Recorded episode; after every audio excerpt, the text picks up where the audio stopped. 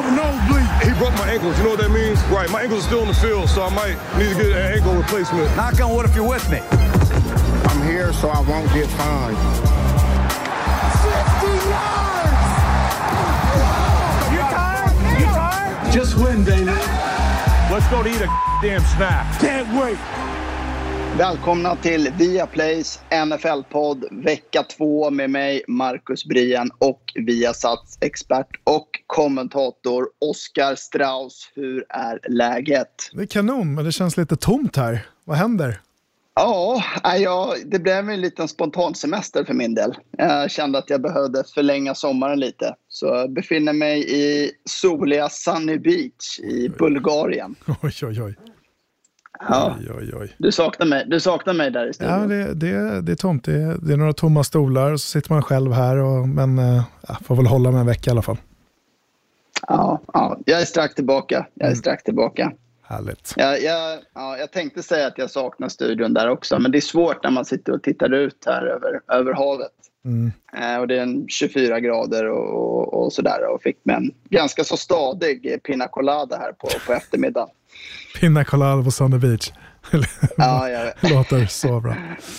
Ja, ja, Elvis- de, de, snå, de snålar inte med rommen här i alla fall. Nej, Det är, det, säga. är det sån här fin rom eller är det bästa bästa från Bulgarien? Du vet, man frågar inte. Nej, hembryggt. Ja, de, de blandar den liksom bakom disk, eller under disken. Ja, så man kanon. ser inte. Kanon. Ja. På tapp. Exakt, exakt. Ha vecka två avklarad. Och Mm. Man kan väl säga att det var generellt en vecka med ganska många spännande och tajta matcher men eh, också en, en väldigt mörk vecka med väldigt många skador på nyckelspelare i olika lag. Och, ja, ett tag där under, under söndagens matcher så plingar det till nya tweets hela tiden om, om spelare som klivit av matcher skadade och man blev ju lite brutalt påminn om den delen av sporten. Och jag tänker vi kommer in på lite namn och lag eh, lite senare men först Oskar, vad, vad tror du att det här kan också Ja, att alla skador vi ser nu är lite resultatet av den här speciella försäsongen vi har haft. Just utan matcher och mindre närkontakt på träning och, och så vidare.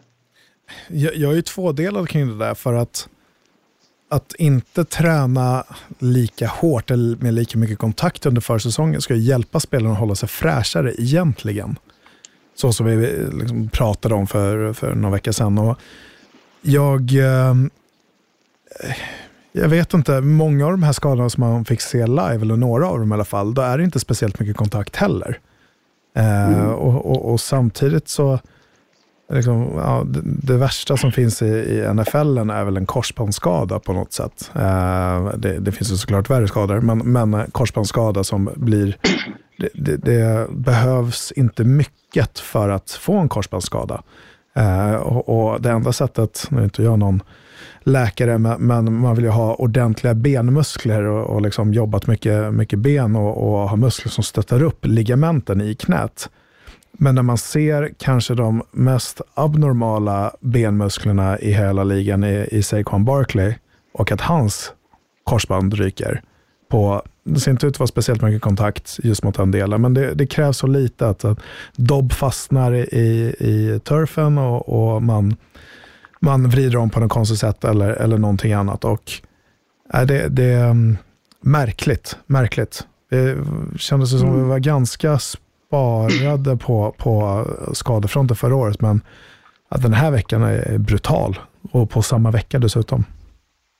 Ja, ja det var, och det var ju så många verkligen också profile, högprofilerade spelare som fick kliva av och som vi också nu vet kommer vara borta ett tag. Och, ja, det är ju, oavsett lagsympati så är det ju tråkigt för oss som älskar att se, se matcherna när, när, när de spelarna försvinner. Och tittar vi lite på de lagen som kanske har påverkat mest så har vi ju ja, San Francisco 49ers som i, i helgens match mot eh, New York Jets som jag följde lite extra noga. Där Solomon Thomas, Raheem Mostert och Jimmy Garoppolo fick avbryta matchen. Eh, där Garoppolo ersattes av Nick Mullens och där även förra årets defensive rookie of the year Nick Bosa drog just korsbandet och blev borta resten av året. Och 49ers har ju även det. Utöver det så hade man ju sen tidigare också har man ju fem stycken wide receivers och Richard eh, Sherman, deras stjärncornerback på mm. IR, alltså Injured Reserve. Eh, man har deras startande center borta. Man har D. Ford skadad och även deras tight end George Kittle borta. Mm. Och, ja, nu räckte det till, till seger i helgen mot ett hopplöst Jets men känslan är att det här kommer få en stor påverkan på, på 49ers. Mm. Och vad, vad är din känsla kring, kring deras fortsättning här nu? Nej, men det var ju så, så, såklart det, det har en stor påverkan när en, en fjärde, nästan tredjedel av, av starters på offensiva och defensiven är, är borta med skador och, och kanske de stora namnen som ska dra det här laget framåt som gjorde att man gick till en Super Bowl förra året. Eh, Nick Bosa eh, och Garoppolo och inte minst Raheem Moster som kanske var den bästa running backen i ligan i slutet av förra säsongen. Alla borta. Eh, sen är det oklart hur, hur, länge det blir på, på, på vissa av dem, men, men eh, det, det, är ju otroliga bortfall. Ehm, så, så, många som tippade San Francisco att gå till eh, ja, en NFC-konferensfinal i alla fall, eh, inklusive mig själv, eh, får nog dra tillbaks det bettet lite om, om det nu går. Ehm, nej, otroligt, framförallt tråkigt och skador. Det är mm. någonting som jag har levt med, men, men att, att se det hända också på, på bild. Jag drar mig alltid, det gör liksom ont i mig själv när jag ser att, att en skada sker. Uh, så det är all, all, aldrig kul. Nej, verkligen inte. Och frågan är just att 49ers är ju i en så pass tuff division också. Och trots att vissa av de här spelarna i alla fall kan komma tillbaka under säsongen så är ändå känslan att det kan kosta ett antal förluster eh, den närmsta tiden i alla fall. Och ett annat lag som också drabbats tungt av skador är ju Denver Broncos. Mm. Som ju redan innan säsongen tappade ja, kanske ja, i alla fall topp tre, kanske ligans bästa defensiva spelare i Von Miller. Och i söndag så fick vi se deras quarterback eh, Drew Lock lämna matchen tidigt skadad.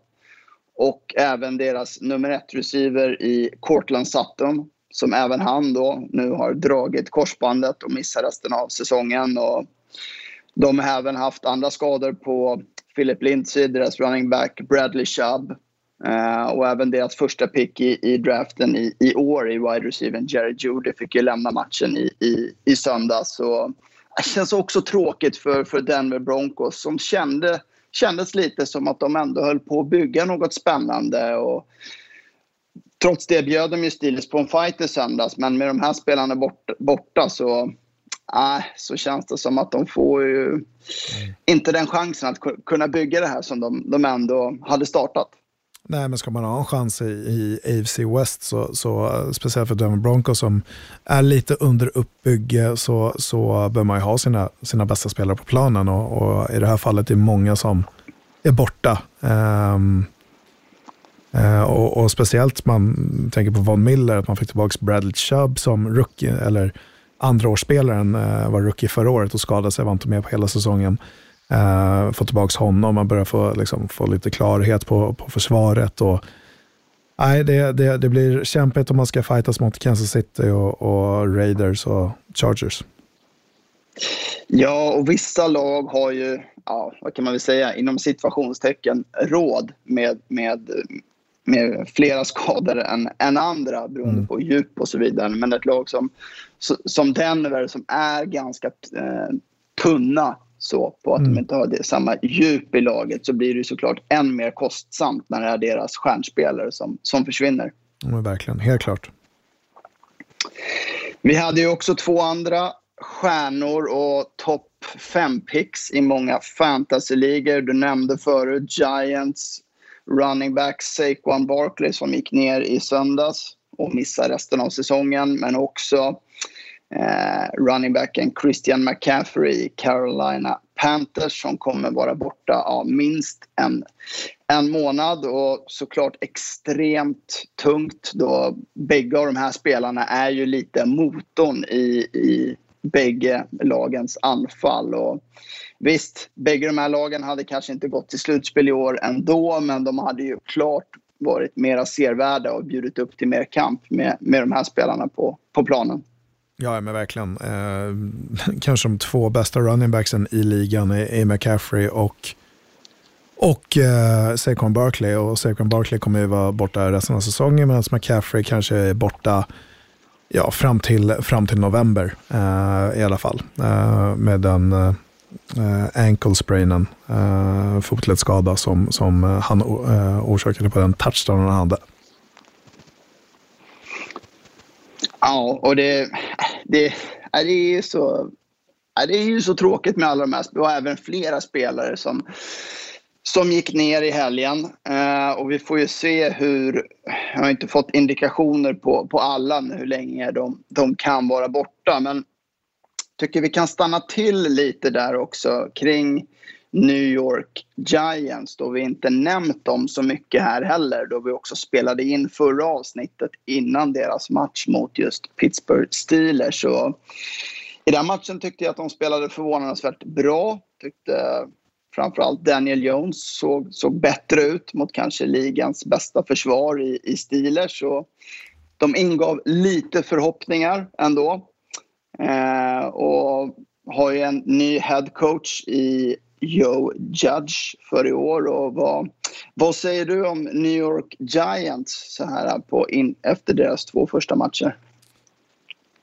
Lite som man hade förväntat sig. Jag, jag tyckte jag såg lite glimtar när de mötte Steelers var det för, första veckan och, och mm. trodde att, för de hämtade upp ett underläge där och, och var ändå med och fightades lite. Tyckte Daniel Jones såg okej okay ut, inget, inget glimrande spel men plockade ner bollen vid rätt tillfälle, gjorde en hel del bra val, men, men, eh, men då krävs att man har en, en running back som, som presterar, vilket eh, Saquon Barkley inte gjorde eh, i första veckan, hade sex yards. Eh, och nu eh, försvinner han eh, och man får hålla sig till liksom, med, med Dion Lewis istället i framtiden. Men, men eh, jag, jag, tycker det finns ju spännande spelare, speciellt på deras, uh, i deras anfall med Engram och, och Golden Tate och Slayton och, och, och Shepard också. Och har man dem skadade, ja, men då blir det jobbigt självklart.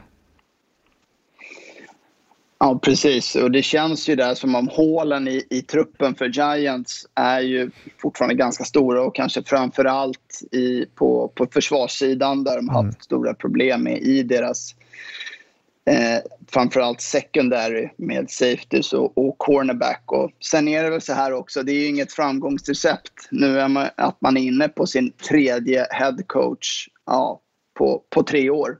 Mm. Och det är ju inget recept för, för framgång heller. Eh, vi har deras general manager i Dave Gedleman som, som fått ja, ganska så mycket skit av New York-pressen och även av sina egna fans. Och han är ju alltså 9 och 25 sen han tog över som, som eh, general manager. Mm. Eh, och det är, inga, det är inga smickrande siffror. Nej, och, och uh, fått mycket skit även fast han inte förtjänar det. Jag tänkte på draften. Framförallt, han sitter ensam hemma och, och har uh, ansiktsmask uh, på sig, eller mun, munskydd på sig. Alltså, varför har han det för? Många som hånade honom för, för det för att han satt hem, ensam hemma och hade på sig det. Men hade en kronisk sjukdom som kunde försvåra det. Och, nej, han, han, får mycket skit och, och, de är inte nådiga i New York heller när, när någonting minsta lilla eh, ser, ser sämre ut. Så då, då får man rätt mycket skit och, och många hånar och är på honom, eh, eller är på det laget i stort egentligen. Fast de, de sätts ju inte i enklare situationer heller. Men jag tycker ändå så här, de, om vi ska gå in på matchen lite, men, men eh, de, de eh, släpper upp 17 poäng och har en chans att vinna i slutet, trots allt det här. Eh, men, mm. men eh, lyckas ändå inte, inte ta den. Men, men eh, ja, gör bara 13 framåt självklart och då är det inte lätt att, lätt att vinna. Nej, nej, och i matchen där i helgen mot, mot Chicago så, eh, som, som, du säger, de hade ju chansen där i slutet och det var väl tveksamt. Jag vet att deras nya eh, offensiva koordinator i Giants är ju Jason Garrett. Eh, före detta headcoach i, i Dallas och han fick ju lite, lite skit där också att de, eh, de valde att kasta några, några korta spel i, i, i, slutet istället för att våga gå för det mot, mot Enson. Så det vart inga, vart inga applåder från, från sidlinjen där i alla fall från, från Jason Garrett.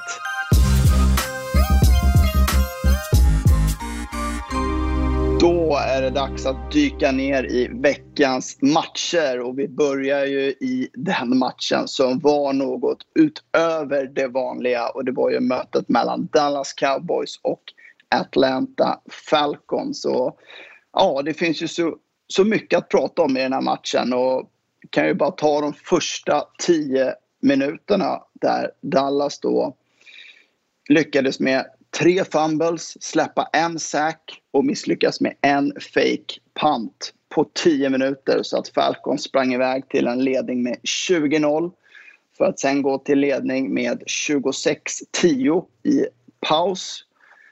Och senare i, i fjärde kvarten med nio minuter kvar så hade ju Atlanta Falcons en 98-procentig sannolikhet att vinna matchen. Då man ledde med 12 poäng man hade bollen och man lyckades också dryga ut ledningen till 15 poängs marginal. Men man släppte in Dallas i matchen. Med 1.08 kvar så reducerade man då till underläge 39-37. Och man behövde få till en onside kick som man då helt otroligt lyckades med. Och ja, jag vet inte, den onside kicken den rullade ju så långsamt så att jag tror nästan att Falcons special teams fortfarande bara står och tittar på bollen. Och, ja, jag har aldrig sett någon liknande. Eller vad, vad säger du om, om just den slutet där, Oskar? Ja, slutet var ju ja, bisarrt. När det kommer till onside-kicken, jag, jag, såg, jag kommenterade ju eh, Panthers mot eh, Buccaneers, men, men jag såg ju, jag har ju sett eh, den, eh, den matchen i efterhand. Och någonting jag noterade även när Carolina skulle sparka en onside kick, att eh, kicken la bollen liksom platt på, eh, på eh, teen. Och så här, det här är en ny variant av en onside. För tidigare har man ju fått, velat få bollen att studsa på tredje studsen högt och att någon kommer dit och tar den. Men nu la man den platt och, och försökte bara rulla den framåt i princip med lite skruv. Um, och, och, Det var precis det man gjorde här också i Dallas. Det, samma typ av teknik och den rullar. Och, och Atlanta Falco, Falcons kan ju ta bollen när som helst och matchen är över om de lyckas ta den. Eh, men eh, Cowboys måste ju vänta 10 yards eh, tills de får ta den.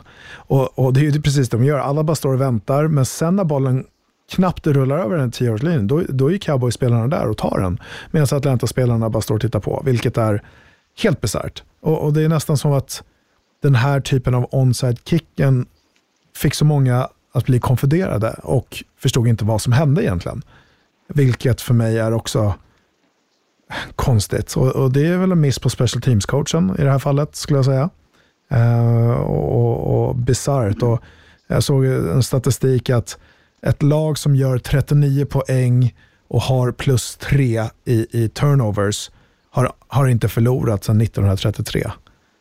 Um, vilket är, är, är galet. Uh, så, så eh, Atlanta som har kanske den mest minnesvärda förlusten någonsin i Super Bowl-historien när man förlorade i Super Bowl mot New England Patriots efter att de har lett med 28-3 var det va?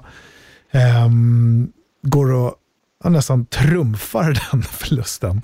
Nu är det här vecka två, eh, så ingenting kommer ju trumfa den Super Bowl-förlusten. Men att förlora på det här sättet är, är otroligt märkligt. Och någonstans börjar det med, alltså jag, jag tänker det när jag tittar på den här matchen i efterhand så, så eh, leder ju Falcons med, med eh, 27, gör en touchdown 26-7 och då väljer man gå på, på det för två för att om man eh, missade en spark tidig Nej, förlåt, man, man sparkar två stycken uh, field goals, så man vill gå upp i en 21 poängsledning. Och den här extra poängen som man istället, istället för att sparka den så går man för två och misslyckas. Eh, så det bara blir 26-7 istället för 27-7. Och någonstans så kom det tillbaks och bet dem i arslet. Mm. Nej, det, det var ju verkligen en, en eh, alltså, otrolig kollaps igen av, av Falcon. och nej, jag ställer mig frågan liksom vad... Kan inte en sån här förlust knäcka ett lag? Eller hur, hur kommer man igen från, från, från något sånt här? Eh, när man, när man liksom har, har tappat en sån, mm. en sån klar seger igen. Och, och, ja, nu, jag vet inte. Har du själv någon erfarenhet från, från något sånt här där det verkligen varit någon ja, knäckande förlust? Nej, det, det har jag inte. Men, men jag vet, i, i vårt mästerskap när vi vann ett National Championship 2008, då ledde vi med 21-0 in i fjärde kvarten. Eh, och, och, det är nerver så som det är eh, när man spelar ett mästerskap. Och, och, tusentals på läktarna och man vet att det tv-sänds över hela USA och, och, hela den biten. Um, men, eh, och då tappar vi, eller vi, det blir 21-7, sen blir det 21-14 och det är kanske någon minut kvar på matchen. Och de går för en onside och, och då är det så här, det, det handlar ju mycket om momentum i amerikansk fotboll. Och, och Cowboys har ju ingenting att förlora, eh, medan Falcons har allt att förlora. Allt att förlora. Eh, och, och, coachen i, i Dan Quinn, han, har ju, han var ju med när de förlorade Super Bowlen. Eh, så, så att mm det, det, det ligger nog nära i, i minne eh, och, och, man blir lite rädd och, och lite så här hur, när, när eh, Cowboys hämtar upp underlägen och leder ju med 39-24 och man gör eh, snabba touchdowns eh, när det är fem mm. minuter kvar på klockan och lyckas med, med eh, två stycken och sen ett field goal. Nej, det, det är osannolikt ska jag inte säga för det har hänt förr, men, men det är bedrövligt. Och Nej, den pressen de har på sig, för det såg så otroligt bra ut i, i första kvarten och, och defense såg riktigt bra ut. Eh, kapitaliserade på, på Cowboys misstag självklart. Men eh, och, och passningsspelet funkade kanon. Eh, Calvin Ridley såg fantastiskt ut och Hayden Hurst med 42 yards passning från, från Ryan för en touchdown. Eh, det, det, är, det är otroligt hur man kan tappa det på det sättet. Um, galet. Ja, och då just Dan Quinn pratade vi om redan förra året och jag trodde att han var en av de coacherna som skulle få, få, få sparken. Just för att han är en, en defensiv head coach och redan förra året så släppte man in alldeles för många poäng. Då var det oftast fallet så att man i början på matcherna inte var med och hade stora underlägen och var tvungen att hämta igen hela tiden. Och ja, det är rätt uppenbart att det är i försvaret man har, man har sina problem. Och, ja, det är väl en, en sån här förlust som också etsar sig in i liksom, fansen och, och, och, och liksom medias och, och, allas hjärna och som kan i slutändan göra att man, man får gå som, som tränare. Mm. För uppenbart är det ju att offensiven fungerar ju jättebra. Alltså man är, man är ett av sex lag i NFL som lyckas göra totalt över 60 poäng här då på, på sina två första matcher. Och alla andra lag som lyckas med, med den bedriften är 2-0. Men Falcons är 0-2. Ja, och, och, och, speciellt här i, i ifall Dallas hade förlorat eh, eh på det sättet de spelade första halvlek, då hade det ju blickats rätt mycket mot Dallas och, och liksom, de hade startat 0-2 och liknande. Och, och, Atlanta som såg väldigt bra ut i första halvlek, de går upp till 1-1. Eh, och, och, då hade det ju varit, man har ju pratat om helt andra saker. Men så, så förlorar man väldigt snöpligt eh, och, och helt plötsligt är det Atlanta som är krislaget. Eh, liksom Matt Ryan har kastat åtta touchdowns på två matcher. Det, det, ser bra mm. ut, men man har släppt in väldigt många poäng också. Seahawks för, ja, körde över dem. Eh, och här kör, blir man överkörd i andra halvlek av Dallas. Eh, bara märkligt. Märkligt. Atlanta, jag vet inte vad jag har dem. Eh, det, det, finns otroligt mycket potential i det här laget. Eh, men, men att inte vinna en sån här match, speciellt med, med en med en erfaren quarterback, en erfaren running back, duktiga vad du säger. Liksom att, uh, nej, jag skulle säga att det är liksom en coach, coach miss. Liksom. Um, helt klart. Ja, ska vi titta på Dallas här då så måste vi ju också ge dem en cred. Jag menar, med den starten på matchen som jag, som jag nämnde med tre fumbles inom första tio minuterna, underläge 20-0. Man hade, gick ju för två fake punts som inte eh, gick hem. Så är det ändå otroligt starkt att inte ge upp och, och komma tillbaka som man gjorde. Och jag tycker Dak Prescott Dak Prescott här visar en, en stor vinnarskalle och även ledaregenskaper och kastade ju för 450 yards och en touchdown och sprang in för tre touchdowns själv. Och som du sa, det hade kunnat blåsa hårt om nya coachen här i, i Mike McCarthy om de hade förlorat det här. Men nej, ha, alltså, vad säger man, hands down för, för ändå Dallas att, att inte ge upp och, och, och komma tillbaka så som man gjorde.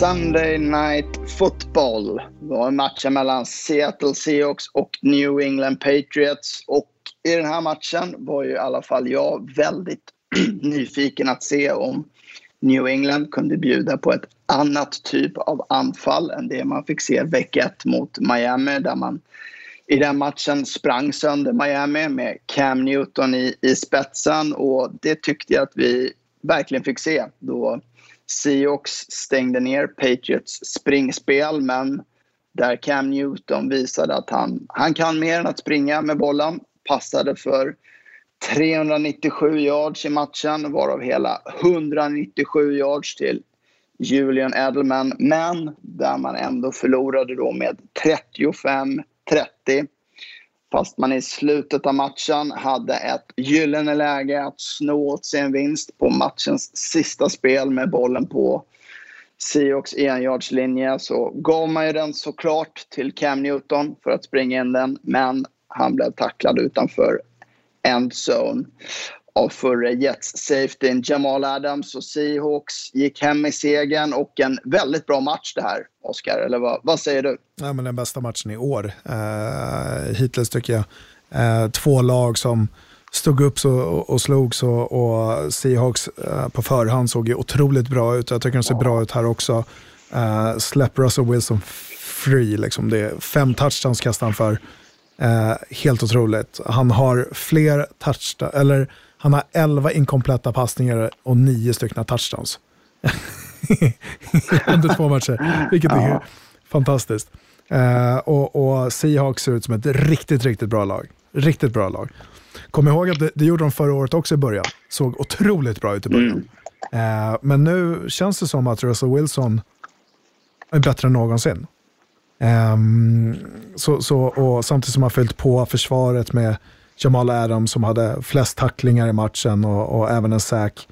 Ehm, um, ser, ser, riktigt bra ut. Samtidigt Patriots, över all förväntan. Tycker jag också. Uh, bra defense, då har de uh, första passningen tror jag det var av Russell Wilson. Uh, Devin McCourtney springer in för en interception, står helt rätt. Bollen går igenom en, en mottagares händer, springer in för en, för en touchdown. Uh, och, och liksom Patriots är med i den här matchen, leder eh, tidigt i, i tredje kvarten. Eh, och sen så tappar man två stycken touchdowns eh, och ligger under med 28-17. Eh, och, och Patriots får kämpa lite underläge, men Cam Newton också ser, ser bra ut. Tycker det ser ut som gamla ja. Cam Newton tänkte precis säga det, att verkligen imponerande och att han visar att han... För det har ju varit det frågetecknet som, som egentligen även var hans, hans sista år i, i Carolina där.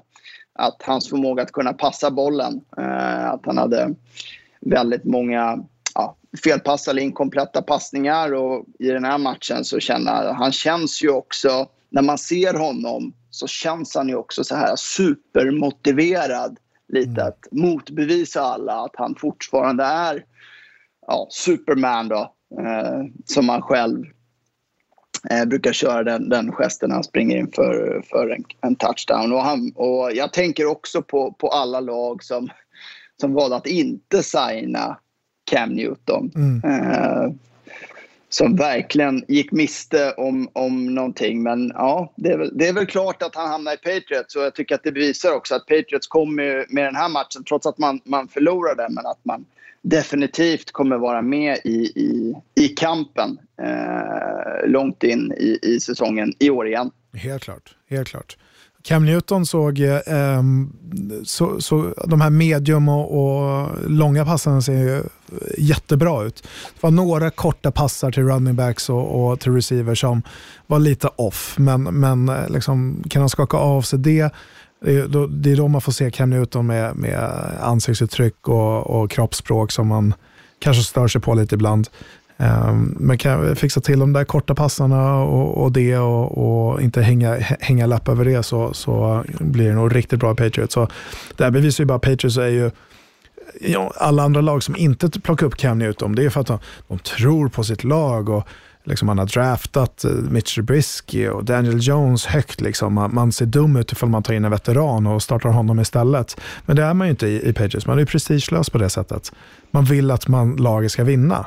Sen om det är på bekostnad på att man ser dum ut för att man draftade en quarterback topp tre som kanske inte tillhörde topp tre eller topp fem eller vad det nu är.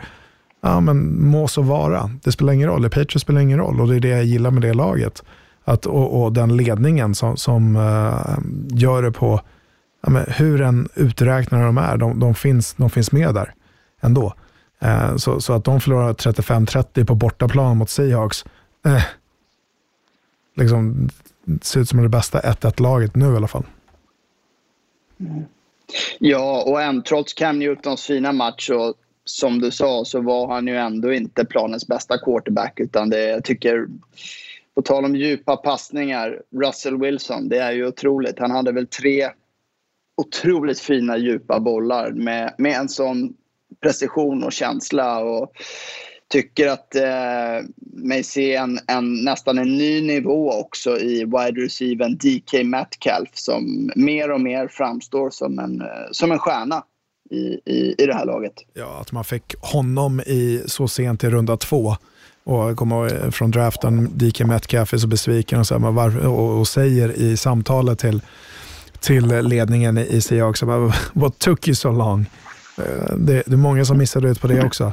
Uh, så, så, och många som kanske grämer sig också.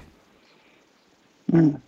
Ja, och med Russell Wilson i den här MVP-formen och som du sa tillskottet av Jamal Adams tycker jag också varit en fullträff. Man fick ge upp ett första pick i draften men han har kommit in och tagit över ja, verkligen en, en ledarroll direkt med sin energi och förmåga att göra stora spel på försvaret. Så Seahawks blir ju definitivt ett, ett lag att räkna med framåt.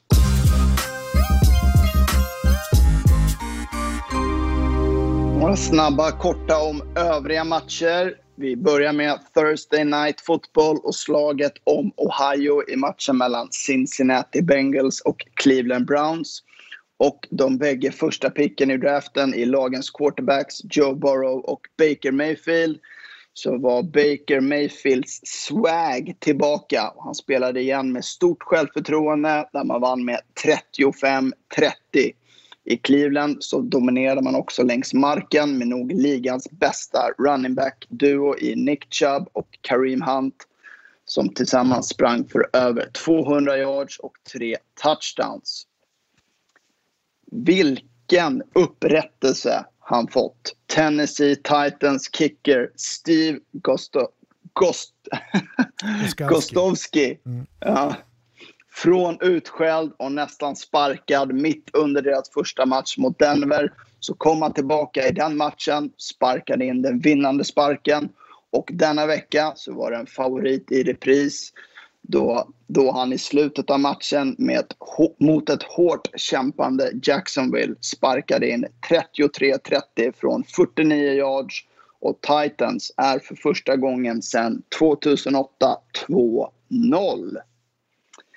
Veckans match i NFL-studion. Tompa Bays Buccaneers mot Carolina Panthers blev aldrig riktigt spännande då Tampa gasade iväg till en ledning 21-0 och där slutresultatet sen skrevs till 31-17.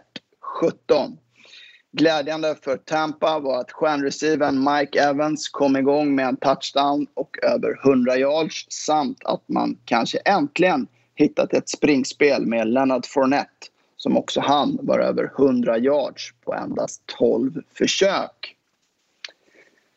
Det var nästan så jag hörde de tomma stolarna på MetLife Stadium i New York bua när New York Jets blev överkörda av ett enormt skadefyllt San Francisco 49ers med 31-13. När 49ers lyckades att konvertera en tredje och 31 med ett springspel för en first down, något som inte hänt på 21 år i ligan, så var det nog all time low för min del som New York Jets-fan. Adam Gaze känns som ett skämt till headcoach. Sam Darnold har inga vapen och som bäst står still i sin utveckling. Laget har ingen talang och förlitar sig på nästan hundraårige Frank Gore som deras bästa vapen så är det fullt förståeligt att matchen hade nästan den lägsta tv-publiken någonsin i New York. Något måste hända i Jets, men jag vet inte vad. Oskar, du får hjälpa mig här. Vad ska de göra? Sparka alla. Nej, men, nej, men eh, det, det, man, man, eh, måste ju se vad, vad behövs. Eh, du kan ju Jets bättre än vad jag kan, Marcus, men, men som du säger, inga vapen. När, när Robbie Anderson ville ha ett nytt kontrakt så sa man nej, du ska inte ha något nytt kontrakt. Så går han till Carolina och har två jättebra matcher statistiskt sett och ett otroligt djupt hot. De har Jamison Crowder, uh, en, en duktig wide receiver, en slot receiver. Men, men skadad. Skadad, ja. Sådär. Mm. det, det, är det som finns, uh, och, och, och, eller inte finns. Um, så, så måste ju hjälpa Sam Darnold. Alltså ingen quarterback hade kunnat leverera med det laget. Spelar ingen roll. Um, så, så även fast man, om man, vi draftar en ny quarterback nästa år, ja, men vad ska han kasta till då? Kommer inte finnas någonting att kasta till i alla fall. Måste få lite hjälp. Nej, det här, nej jag, jag tror det har sett New York Jets sämre dagar, men uh, nej, det här bevisar motsatsen. Ja, det, tro, det trodde faktiskt jag också. Det hjälptes ju inte av Levion Bell skadad, Jameson Crowder skadad. Eh, deras andra runde pick, pick i draften, wide receiver Denzel Mims skadad. Mm. Eh, ja, eh, nej, det, det, var, nej det, var, det, det var tungt. Vi, vi, vi, släpper den och, och pratar om något, något vi, roligare istället. Vi, vi kommer överens och inte prata Jets förrän, förrän de har vunnit nu då. Ja, det är nästa år då. Nej. Men eh, Nej. No, någon jag vill prata om det, det är Joe Burrow. Mm. Eh, och, och den matchen mot Browns. Och, och, inte sen 2001 har en rookie kastat för mer än 60, eller 60, eller 60 passar. Eh, Chris Wenke eh, kastade 63 passar eh, när de förlorade mot Arizona 2001 och då fick jag fram 223 yards som rookie. Eh, och sen har det Carson Wentz som har kastat för 60 passar också för, mot, sin, mot just Cincinnati 2016. Eh, för 308. Men, men eh, Burrow kastade bollen 61 gånger för tre touchdowns och 316 yards. Eh, det finns någonting här. Uh, och tycker jag bara växte mer och mer från gentemot mot förra matchen mot Chargers och nu mot Browns. Visst fick jag hämta lite underläge och kasta, kasta många gånger, men Cleveland Browns såg bättre ut. Odell Beckham fick en touchdown, 74 yards totalt sett. Uh, Baker Mayfield såg helt okej okay ut. Uh, men men det är ju, det är ju running backsen i, i Cleveland Browns som vi måste prata om. Och den här en två punchen som man har med, med eh, Nick Chubb och Kareem Hunt är enastående. Uh, och man kommer nog förlita sig på dem ganska många matcher det här året. Jag håller helt med dig där också om, eh, kring, kring Joe Burrow som såg eh, ja, verkligen spännande ut för att vara hans andra match i NFL. Samtidigt är det väl inget framgångsrecept heller att låta han kasta bollen 60 gånger på en match. Utan man, man vill ju gärna få lite mer hjälp av ett bättre springspel eh, som de hade tufft med i, i, i den här matchen. Absolut, Nej, men helt klart. Eh, det, det, är inget man vill göra, utan man vill förlita sig och, och, springa med klockan och det var det Cleveland Browns kunde göra, så det behövdes inte speciellt mycket mer från Baker Mayfield, men, men eh, att han kan ta fram det och, och visa det eh, säger rätt mycket om vad man förlitar sig på hos den här quarterbacken i Joe Burrow. sen avsaknaden av lite wide receivers, jag skulle vilja se A.J. Green komma upp i sin gamla standard. Man kastade till A.J. Green 13 gånger tre stycken bollar kom fram. Um, så, så nej, en lite bättre connection däremellan så, så kan det nog bli lite fart i, i Cincinnati. Ja, han har inte hittat tillbaka till sina fornstora dagar. Eh, vad säger du annars om matchen som, som du var expert i Tampa Bay mot Carolina? Nej, men Tampa Bay, man såg att de var revanschsugna. Eh, kom ut direkt Eh, och gick upp i en 21, poängs ledning i, i halvtid. Och Tom Brady såg helt okej okay ut. Uh, Carolina, uh, många misstag, många turnovers. Um, men, men det var ju McCaffrey som han förlitade sig på. Jag är lite, Matt Rule och hans play calling är jag lite bekymrad över. Uh, de har tre väldigt små, snabba receivers i laget som man, som man med DJ Moore, Curtis Samuel och uh, Robbie Anderson. Och de ställer man ganska ofta tight in till uh, den offensiva linjen och, och liksom vill att de ska blockera. Uh, för man vill ju springa med Christian McCaffrey och det, det fattar ju alla. Men, men, du har andra val ifall du vill springa bollen. Ta ut receiversarna långt ut på sidan istället så att du inte packar ihop boxen med, med, med 11 utespelare, från, eller 11, utespelare, 11 spelare från, från eh, försvaret som kan vara där och göra tacklingarna. Eh, och så fort man börjar flytta ut dem, ställer sig med fyra wide receivers brett och sprang ändå med Christian McCaffrey, ja men då gick det ju. Eh, eller man plockade in en tight end och en fullback och, och sprang, då gick det också. Men, men att förlita sig på att receiversen ska blocka strong safeties och liknande eh, hade ingen chans. Och Tampa Bays försvar ser otroligt bra ut. Uh, många snabba spelare där som flyger till bollen. De Devin White, uh, uh, middle linebacker, andraårsspelaren såg rik ser riktigt, riktigt bra ut. Så, så det här försvaret i Tampa Bay, många trodde att det är anfallet i Tampa Bay som ska göra det här och, och göra det bra. Eh, men jag tror det är försvaret som, som de eh, kommer kunna förlita sig på det längre man kommer in i säsongen.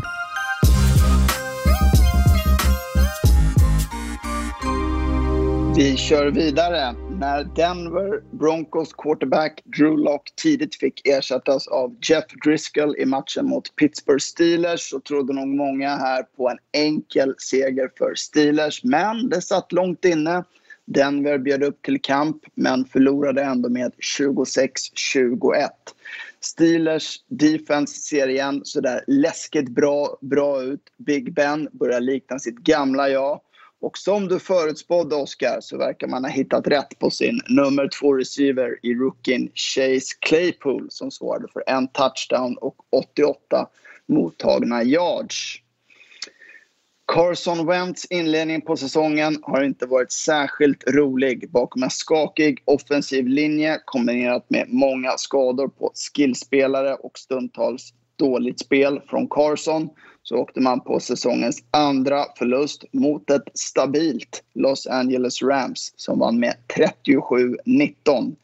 Det sprakar inte om Rams offensiv på samma sätt som för någon säsong sedan men nu är man 2-0 och Sean McVay briljerar med en smart och effektiv playcalling. Bills quarterback Josh Allen är kanske den spelaren som hittills i år verkligen tagit de största kliven i positiv riktning. I matchen mot Miami så kastade han för över 400 yards och fyra touchdowns när Bills vann med 31-28.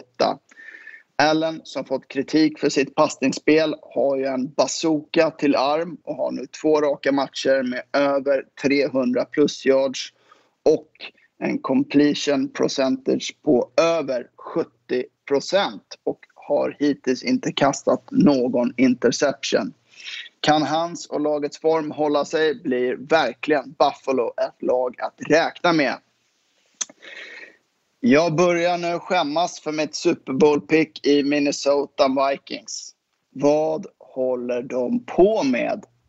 För andra matchen i rad var man inte ens nära och hela laget verkar tro att det fortfarande är en försäsong. Kirk Cousin kastades för endast 113 yards och hela tre picks. Och igen så gav man upp en safety till Indianapolis Colts som tog sin första seger för säsongen med 28-11. Det var Aaron Jones show när han, när han för sitt Green Bay Packers i matchen mot Detroit Lions sprang för 168 yards och två touchdowns och dessutom fångade fyra passningar för 68 yards och en touchdown när Green Bay asfalterade Detroit med 42-21. Just nu känns ett nytt coachbyte i Detroit oundvikligt då deras defensivt lagda headcoach Matt Patricia inte alls lyckats få ihop ett försvar. Och vi, vi pausar lite där, Oskar. Det finns ju mycket att plocka upp här. Vart vill du börja? Mm, uh, vart ska vi börja? Ja, men vi kan väl börja med Chase Claypool. Va? Vilken kille. Tänk om någon bara hade förutspått det, att han skulle bli en, en, en rookie att räkna med. En wide receiver, återigen draftad uh, i andra rundan till Pittsburgh, som har en stor match med uh, över 80 yards och en touchdown, varav 83 av dem kom på, eller var det 81 yards på, på ett kast där på touchdownen. Nej, men det, det är ju sånt där vi får se från Pittsburgh. Någon ny wide receiver som kommer fram uh, år efter år um, som kan backa upp Big Ben. Uh, men annars Steelers, uh, jag tror man måste 26 poäng kommer inte räcka när man möter lite bättre lag. Uh, nu har man mött Giants och Broncos och de är ju där och naggar. Alltså det är inte långt ifrån. Visserligen så, så gör de sin touchdown i slutet av matchen. Um, men, det är 21-26 och det är sju minuter kvar på klockan. Det är liksom det, det, då är det bara en score. Så jag tror att man, eller jag vet att man måste prestera bättre på, på i den offensiva lagdelen. Um, mm. Uh, ja, för, det, för det, deras försvar ser ju faktiskt otroligt bra ut igen med TJ Watt och, som, och Bud, Bud Dupree som, som bägge har inlett säsongen otroligt, otroligt starkt. Ja, kastat en sån enorm press på, på motståndarlaget. Uh, och, och Nej, det, det, ser läskigt ut och det är också det här Steelers försvarsspel som de satsar rätt mycket på. Man, man ger bort en del picks och, och liknande för att ta in till exempel Minka Fitzpatrick. Uh, men, men, uh, men, det funkar ju. Ett bra försvar, det är, liksom, det, är det man står och lever, lever med, står och dör med, ska jag säga, med, med Pittsburgh Steelers. Mm. Du, jag ställde ju en liten eh, här, filosofisk fråga här vad Minnesota Vikings håller på med. Mm. Vad, vad håller de på med? Vem vet? Inte du, vem vet inte jag. Nej, alltså det, det, det här hade jag inte förutspått. Man, man, man plockar in nya defensiva spelare, defensiva ends eh, och, och, man får ingen press på motståndarlaget. Offense ser bedrövligt ut. Defense ser bedrövligt ut. Alltså Kirk Cousins, han förlänger man. Tre interceptions och elva kompletta passningar för 113 yards. Det är, mm. usch, usch. det är ju inget man, man förväntar sig av ett lag coachat av Mike Zimmer heller. Han, brukar, han håller ju inte igen med, med sina hårtorkar. Eh, har, har man ju sett tidigare från Harden också. Har ju historiskt alltid haft ett bra försvar men nu har man inte ens, man har inte varit nära i, i två matcher här. Nej, nej. Och, och visst, Colts, Colts försvar är ju bra och, deras offensiva linje kanske är den bästa i ligan. Um, så, så man, man uh, samtidigt som man har fyllt på liksom med, med DeForest Buckner som får en safety i matchen också. Uh, Colts, jag hade förväntat mig att de skulle vinna första veckan mot Jacksonville, men, men, uh, nej, men jag, ty jag tyckte att de såg ja, mer intressant ut än Vikings självklart. Uh, jag tror det laget kan ta sig till, en slu till ett slutspel i, i slutändan, men, men uh, Minnesota, ditt Super Bowl-pick, Tveksam på den faktiskt måste jag säga. Ja, vad var det du sa? Man, man, kan man ta tillbaka sitt, sitt bett? Ja, får man. Ja, kör, ja, får man det? Ja, det borde man ju få. Eh, den här säsongen, är, som likt alla andra idrottssäsonger och sportsäsonger, så kommer det vara en asterix i alla fall på den som vinner. Precis. Du, Josh Allen i, i Bills. Wow, mm. säger jag på hans inledning på säsongen. Mm, smarrigt och, och de flesta har väl sett eh, klippen där han bara kör över spelare mm. i Dolphins. Mm. Alltså en quarterback som, som springer sådär hårt. Ja, eh, Cam Newton 2.0 eh, skulle jag säga. Um, ehm, 417 yards, fyra touchdowns. Uh, ser, ser otroligt ut. Uh, sen så, mm. jag vet inte om Miami Dolphins är den största värdemätaren, utan det kommer ju vara när man möter Patriots om några veckor uh, och se vart är Bills egentligen. Um, och jag hoppas att de levererar till den hypen de har också. Uh, så, så ett bra försvar och, och fyllt på med Stefan Diggs från just Minnesota som har 153 yards den här matchen. Jag, jag äntligen har Josh Allen lite att kasta till också. John Brown på andra, andra receiverpositionen och sen har Cole Beasley i, i slotten och, och Knox som tight end. Uh, jag, nej, jag, jag ser fram emot att se Bills längre in i den här säsongen också. Ja, och framförallt imponerande att se att han verkar ha eh, har skärpt till sitt passningsspel. Och, och, för att dra parallellen där till Sam Darnold som vi pratade om i Jets, de draftades ju i, i samma draft, så ser vi klart en skillnad där hur man har som du sa i, i Buffalos fall, eh, gett Josh Allen mer och mer vapen varje, för varje säsong mm. som har gått. Mm. Och nu, nu ser vi en annan utväxling också på, på hans spel. Absolut. Uh, en quarterback som har lite tungt, det är ju Carson Wentz i Philadelphia. Mm, minst sagt.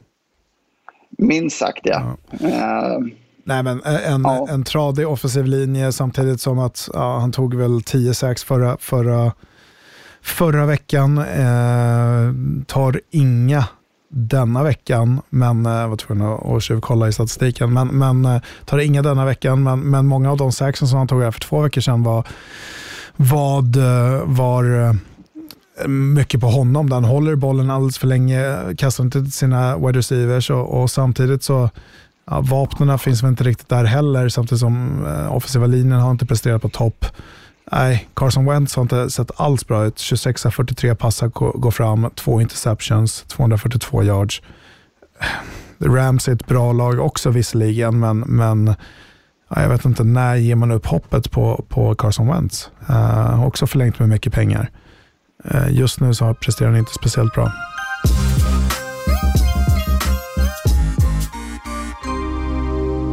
Marginalerna att starta en säsong 2-0 eller 0-2 blir nog inte mer tydligt än om man, än om man tittar på Chicago Bears start på säsongen.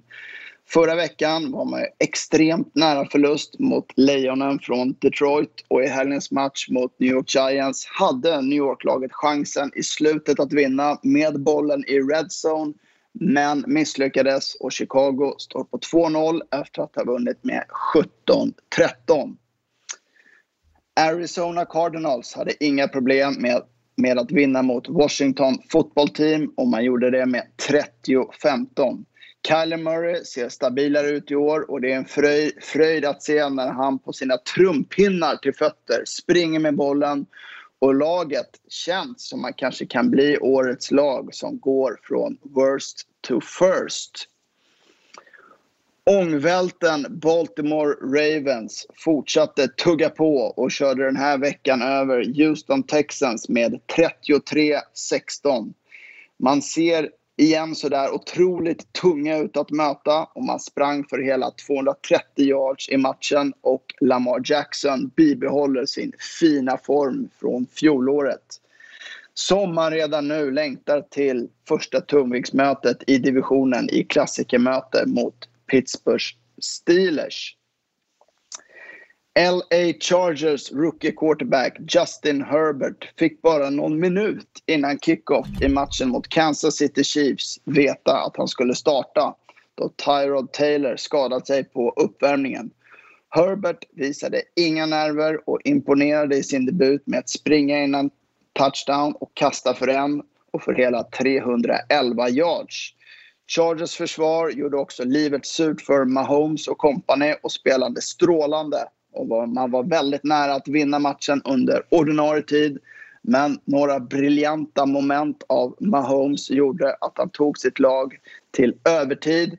Och där visade tyvärr Chargers headcoach att han inte vågade gå före när han valde att panta bollen på fjärde och ett till Patrick Mahomes som satte upp sin kicker Harrison Butker som på tredje försöket från 58 yards sparkade in avgörandet 23-20.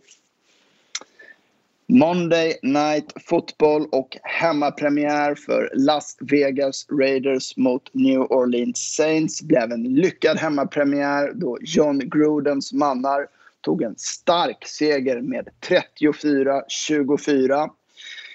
Som vi kunde se glimtar av i förra veckan så såg, så såg Drew Brees nu också ut som den 40 plus-spelare han är och när hans stjärnreceiver Michael Thomas är borta fanns nästan bara Alvin Kamara kvar att luta sig mot, men det hjälpte inte.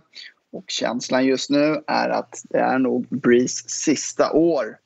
Raiders såg hungrigare ut med många unga spännande spelare och, ett, och som laget som är på en tydlig uppgång. Och igen så gjorde tight Darren Waller en stark match, Oscar. Mm.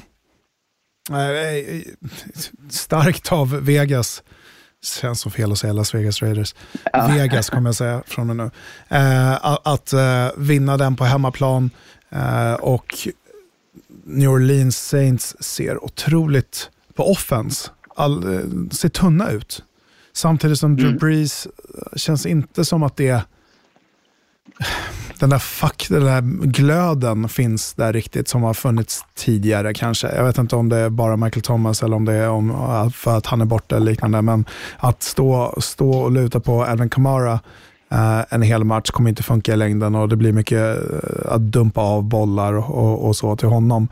Uh, när Traycon Smith är din bästa wide receiver, um, då, då har man det lite kämpigt faktiskt. Visserligen, liksom, du har Murray och Kamara i att springa med bollen, men, men det såg lite uppgivet ut. Samtidigt som Derek Carr med, med tre touchdowns och, och nästan 300 yards eh, passade eh, har gått från att dumpa av bollar till att faktiskt kasta ner för fältet. Um, och du har Waller, tight end, ja, visserligen, men sen har du lite andra roliga spelare också. Uh, med Hunter Renfro och Moreau och, och sen har man plockat in Nelson Aguilar som fångar en passning. Um, Josh Jacobs ser fortfarande lika bra ut. Man, man står med honom och, och vill springa med bollen uh, nästan 30 gånger i den här matchen. Um, det, det, är ju Saints försvar som, som håller dem i matchen, uh, eller håller, kommer hålla dem kvar i säsongen. Mm, mm. Ja, det var ju det vi pratade om efter förra veckan också egentligen, att det var deras försvar där som vann matchen mot, mm, mm. mot, mot Tampa Bay. Och Ja, eh, vi måste ju nämna eh, Justin Herbert här och, och Chargers-matchen. Eh, imponerande ändå. Ja, med tanke på de, med de förutsättningarna också. Ja, men det tycker jag. Eh, och, och går in direkt, får veta att han ska spela för att Tyler Taylor inte eh, ja, har fått någon, någon injektion som inte äh, föll väl ut. Så, så Herbert får veta att han ska spela precis den här matchen, går in och, och sen på första driven äh, eh, med fy, tre och en halv minut in i matchen springer han in en touchdown själv. Äh, jäkligt coolt Eh, mot regerande Super Bowl-mästaren eh, Kansas City Chiefs. Det, det är häftigt tycker jag. Eh, och, och, Man är med i den här matchen, hela matchen självklart i och med att den går till övertid. Och, och det var lite upp till Kansas att få den att gå till övertid också. Så En väl spelad match av, av Rookin Herbert um, som, som var, var väl när man efter Burrow var mitt eh, första val när det kom till quarterbacks efter det här. Och kanske inte Tua som Miami tog. Mm. Håller du med mig där? Alltså, man har ju fått se lite Chargers här och fått lite, lite käns mer känsla för dem måste jag ändå säga med tanke på Hardnox och framförallt för lagets coach Anthony Lynn som jag tyckte var ja, i alla fall Hardnox-stjärnan för, för Chargers del. Uh, men uh, att han inte vågade gå för det där och, och pantade på, på fjärde och ett i förlängningen mm. när det är Mahomes som får bollen. Mm. Ja, men, nej. Nej, där, där vill man ju Och, och det kanske har, alltså när ens försvar har hållit motståndarna till, till 20 poäng, ja men då kanske man kan förlita sig på försvaret. Men, men det är Patrick Mahomes vi pratar om. Och det kan blixtra till precis som det gjorde i, i fjärde kvarten med, till Tariq Hill, 54 yards. Uh, jag vill gärna ha bollen så mycket som möjligt och, och då får man nog gå för på fjärde och ett och förlita sig på det. Och det säger någon, det är ett statement till laget också. Hej, jag tror på er. Uh, och, mm. och handlar om att bygga självförtroende, speciellt när du har en ung quarterback. För det du säger när du går, inte går på fjärde och ett och säger, jag tror inte riktigt på det, vill, vill låta defense liksom ta det här. Speciellt när det bara handlar om ett field goal också. Så nej men såklart, jag, vill, jag är mer opportunistiskt lagd också, så jag, jag vill ju att man ska gå på det på fjärde och ett. Men eh, ja, eh, Leksand lärd. Och det är två matcher nu man har varit Ja, man vann förra, men det är för att Randy Bullock missade sitt field goal och, och fejkade, kramps, fejkade skada. Och sen så nu så, så är man nära på att vinna den här matchen också mot eh, Kansas City. Det hade varit en otrolig upset ifall de hade lyckats med det. Mm. Ja, och känslan är väl att jag fick lite så här, samma känsla när, när Herbert startade här som, som förra året eh, när Tennessee bytte från Mariota till Ryan Tannehill. Att i Chargers har jag känt lite samma sak. Att med Tyrod Taylor som, som quarterback så är man rätt, rätt sömniga att titta på. Men mm. alltså, nu kom det in en, en annan energi i Herbert. Och känslan är väl att han kommer få fortsätta spela, eller vad, vad, tror du? Ja, förra året så, eller var det förra året? Två år sedan, men när Baker Mayfield äh, tog över, äh, mot Jets va? Mm. Äh, i vecka ja. tre. Mm. Och, och, kom in så var ju den positionen hans. Och, när jag kom hem, jag var, satt med en taxi och åkte hem från, från, efter att ha kommenterat så tänkte jag, men vilken match ska jag kolla på? Nej, men det, jag kan bläddra runt lite eller köra Red Zone eller någonting för att Kansas kommer ju spöa Chargers. Den kommer inte vara så spännande tänkte jag. Uh, mm. Men jag hittade mig själv sittandes och bara kolla på Chargers uh, Kansas. Uh, för att just Justin Herbert spelade. Um, så, så, att, för att jag ville se honom mer, mer noggrant. så, så absolut, och jag tror det är många som var med mig där.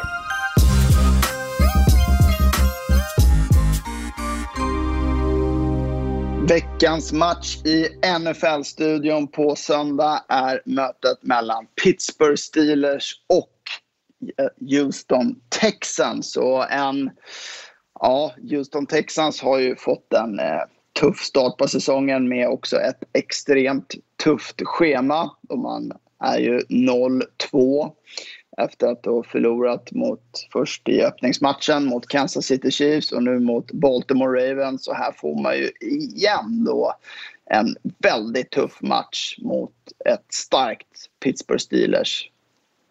Verkligen, verkligen. Eh, det skulle vara tufft för det här laget som kom till, kom till slutspel och, och åka ut eller inte åka ut, men det kommer kännas så om man startar 0 och 3. Uh, vilket jag tror att det, så kommer fallet att vara när man möter Steelers på bortaplan. Um, klockan ett, uh, amerikansk tid, um, östkusttid. Um, men en väldigt tufft schema. Chiefs, Ravens, Steelers. Uh, för herregud. Det, det, är ingen, det är ingen drömöppning. Och, det, jag vet inte om man kommer titta så mycket på just de här tre matcherna när säsongen är slut och, och kanske tycka att ja, det, var, det var svåra matcher i, i början. Man förstår varför de slutade 8-8 eller vad det nu blev. Um, men, men eh, att gå 0-3, det är det jag förväntar mig. Um, när de möter Pittsburgh Steelers på bortaplan. Och hur ska man hantera det här? Dels anfallet, men, men det försvaret. Uh, jag förväntar att man kommer sätta väldigt mycket press väldigt mycket press på Deshaun Watson.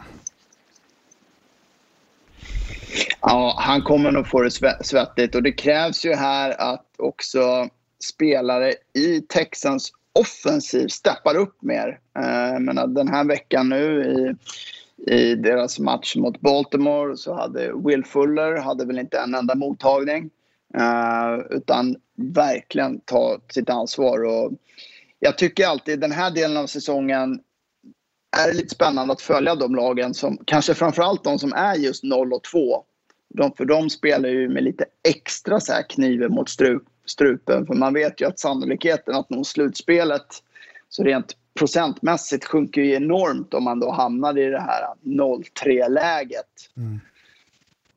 Eh, så att ja, en, en tuff, tuff utmaning för, för, för Houston, Houston Texans. Så det är väl favoritskap här på Pittsburgh Steelers. Ja, absolut. Eh, helt klart. Och någonting roligt och, och eh, en liten anekdot är ju att eh, tre stycken Watt-brorsor kommer spela. Eh, JJ i, i Houston och sen som de andra två, TJ och Derek i, i eh, Pittsburgh. Just det, just det. Lite kul. Triple Watts. Eh, ja, vi ser fram emot den matchen. Kommer du, eh, blir det studion för dig eller kommentera? eller? Jag, har faktiskt bye week. Så jag, jag eh, Oj. kommer sitta i soffan och, och, och kolla in på NFL NFL-studion. Riktigt kul. Så där ja, så där ja. En tidig bye week för dig nu. Ja.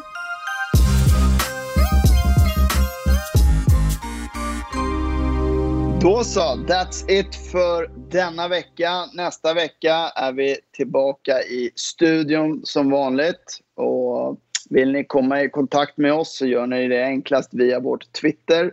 Som ni vet heter vi där att Viaplays NFL-podd.